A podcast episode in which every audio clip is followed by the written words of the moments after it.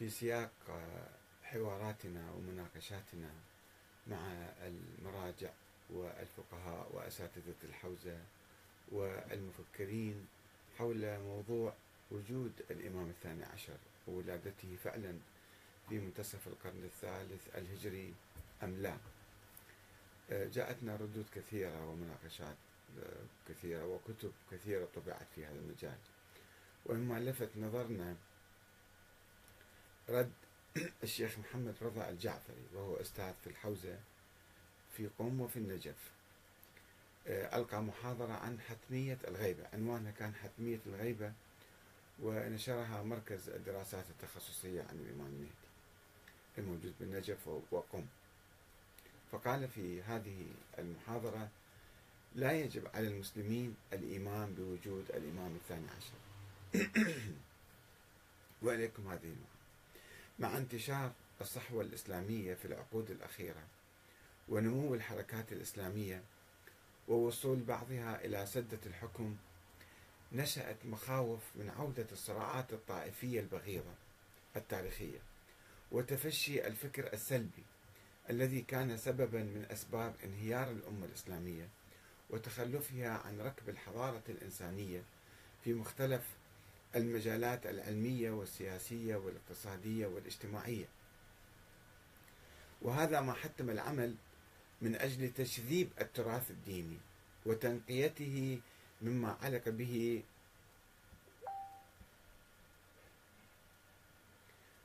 ومما علق به من خرافات وأساطير وبدع وإعادة قراءته بروح اجتهادية موضوعية ومحايدة.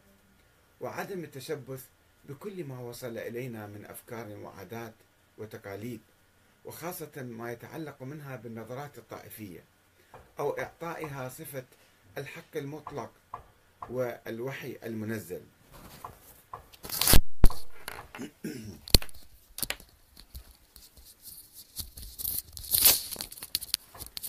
وعلى رغم أن هذه المهمة هي مهمة آه،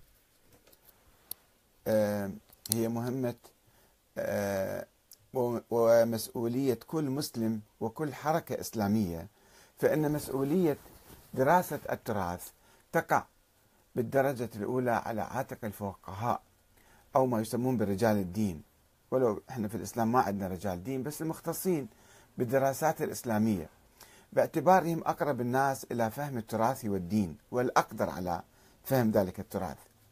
وقد قام كثير من علماء الدين فعلا بجهود جبارة ومشكورة في بلورة كثير من المفاهيم وتصحيح الخاطئ منها وممارسة الاجتهاد وتطوير الفكر الديني والرد على التحديات المعاصرة.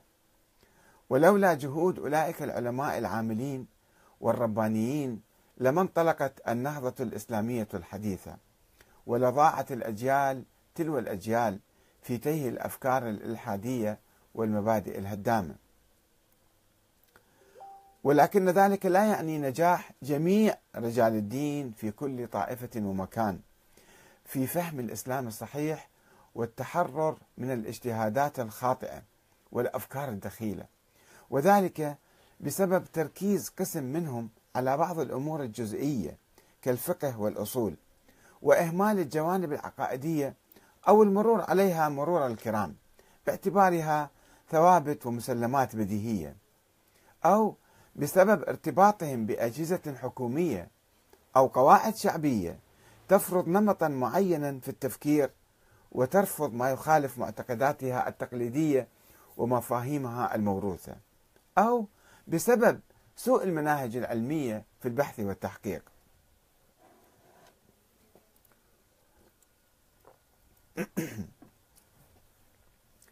ولعل تأسيس مركز الأبحاث العقائدية التابع لمرجعية السيد علي السيستاني حفظه الله والذي يتخذ من مدينة قم قاعدة له المركز يعني.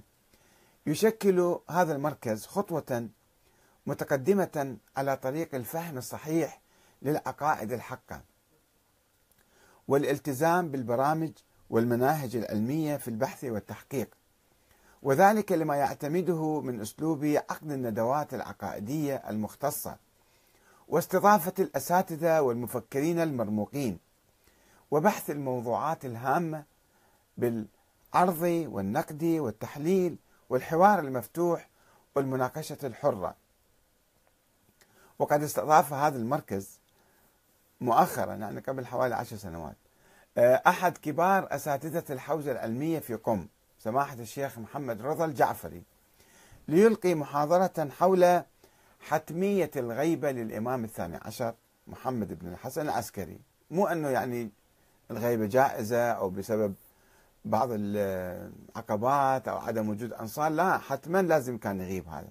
نظرية جديدة بالحقيقة. ونظرا لرغبة المركز المذكور بإثراء الحوار حول الموضوع. ومناقشته بصورة أعمق فقد كانت لنا هذه المداخلة العاجلة. هناك ملاحظة أولية وأساسية تتعلق بمنهج البحث الذي اعتمده الشيخ الجعفري الشيخ محمد رضا الجعفري في في بحث موضوع الغيبة وهي مبادرته إلى إبداء وجهة نظره حول ضرورة الغيبة وحتميتها قبل الحديث عن وجود الإمام الثاني عشر الغائب محمد بن الحسن العسكري وإثبات كونه حقيقة تاريخية وليس فرضية فلسفية اجتهادية ظنية كما كان يفترض يعني أن واحد لما يبحث في صفة من الصفات اللي هي الغيبة مثلا أو حالة من الحالات فأول شيء يثبت وجود الإنسان وبعدين يقول هذا غائب وبعدين يقول هذا حتما لا كان لازم يغيب بس هو بدأ من الأخير أنه الغيبة حتمية. قبل ما يبدأ ب يعني إثبات المقدمات الأولى. فإذا ملاحظة منهجية على مبحث الشيخ الجعفري. ثم كان عليه عرض النظريات المختلفة حول الغيبة التي قدمها المتكلمون الإماميون الاثنى عشريون من قبيل امتحان الشيعة أنه غاب حتى يمتحن الشيعة. أو الحكمة المجهولة الله يعرف من أعرف ليش غاب. أو الخوف من الأعداء. هذه النظريات كانت موجودة هو ما طرق لها. والمبادرة بدلا من ذلك إلى التركيز على حتمية الغيبة. أن الغيبة موضوع حتمي هذا. وهذا في نظرنا منهج غير علمي.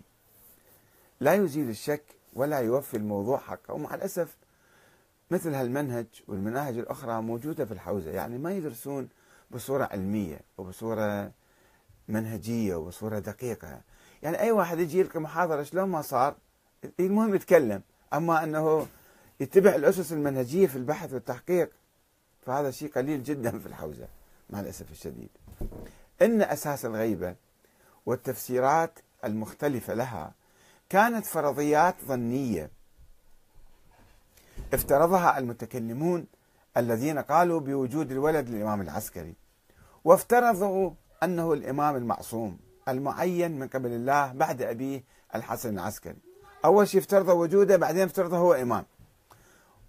وإذا لم يستطع أحد أن يقدم الدليل العلمي التاريخي الشرعي على وجود هذا الولد الغائب فإن الحديث عن الغيبة يصبح غير ذي أثر ولا فائدة.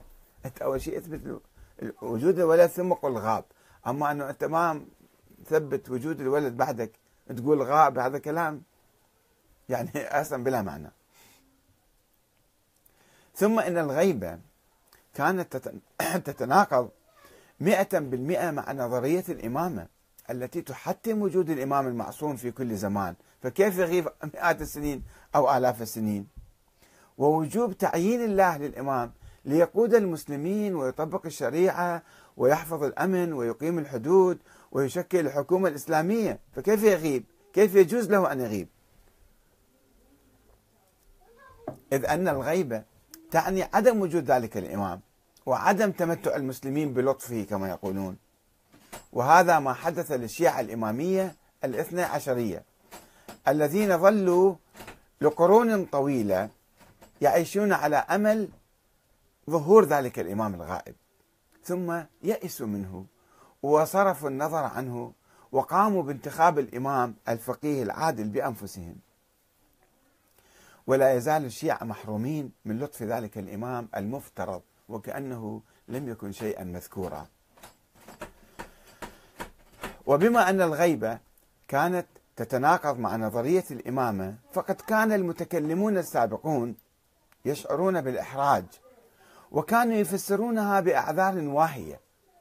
ويلقون اللوم على عاتق الظالمين الذين أخافوا الإمام وألجأوه إلى الغيبة أو يحملون الشيعة المسؤولية بسبب تقاعسهم عن نصرة الإمام. هو لم يظهر حتى يتقاعسوا ولم يظهر حتى ولم يوجد حتى الظالمين يعني يخيفونه. ويطالبون الشيعة بإعداد أنفسهم لنصرته والذب والدفاع عنه. ومع أن الخوف من الأعداء ليس سببا معقولا ولا مبررا للغيبة أو الهروب من مواجهة الحياة. ولا توجد أدلة تاريخية تثبت وجود الخوف أو الظروف الأمنية الشديدة طوال ألف عام. فإن الشيخ المفيد وسيد المرتضى والشيخ الطوسي ذول مشايخ الطائفة اللي هم نظروا لهذه الفكرة ورسخوها وأسسوا الطائفة الاثنى عشرية. اعتبروا أن لا سبب للغيبة هم أيضا قالوا لا سبب للغيبة ولا علة تمنعه من الظهور إلا خوف الإمام على نفسه من القتل. لأنه لو كان غير ذلك إذا ما كان يخاف لما ساغ له الاستتار. وكان عليه أن يتحمل المشاق والأذى فإن منازل الأئمة إنما تعظم لتحملهم المشاق في سبيل الله. هذا نص كلامهم. ومن الواضح أنه لا يعقل أن نلقي باللوم على الله سبحانه وتعالى ونقول أنه عين لنا إماما معصوما. ثم نقول أن حكمته اقتضت أن يغيب ذلك الإمام. كل هذه المدة الطويلة وإذا كنا نؤمن بخروج إمام مهدي في آخر الزمان فيمكننا أن نقول أن الله إمام يعني مو محدد شخص معين في الإمام مهدي بالمستقبل يطلع. فيمكننا أن نقول أن الله لم يعين إماما معصوما قبل ذلك الموعد يعني في هذه الأيام مثلا ومنذ ألف سنة حتى الآن. وأنه سوف يخلقه عند الحاجة والضرورة. أما إذا قلنا بأن الله قد عين إماما هو الإمام الثاني عشر بعد حسن العسكري وحرم على الناس انتخاب إمام غيره لا تتوفر فيه صفة العصمة أو النص فلا يجوز أن نقول أن الله قد أخفاه عن الناس وغيبه ومنعه من أداء مهامه الكبرى. هذا تناقض واضح يعني. وربما كان الشيخ الجعفري ينظر إلى الواقع الذي قامت فيه دول شيعية مستعدة لنصرة الإمام المهدي مثل الآن يعني. أو دول ديمقراطية لا تمنعه من التعبير عن نفسه ولا تقيد حركته ولا تشكل خطرا عليه. إذا قال أنا الإمام المهدي ما حد ما يسوي له شيء. الآن عشرات الناس يقولون نحن أنبياء نحن كذا وكذا وما ما يفعلون لهم شيء يعني. ولذلك قال الشيخ الجعفري عرف أنه هذا كلام مو معقول. ولذلك قال إن الله قدر للإمام الثاني عشر أن يغيب من بيننا. وهو حي وأن يظهر في الزمن الذي اختاره الله سبحانه وتعالى بحكمته وقدره بعلمه شئنا أم أبينا. تخرص على الله يعني كلام. كل واحد يجي ينسب أشياء إلى الله تعالى من هواه ومن عقله ومن نفسه يعني.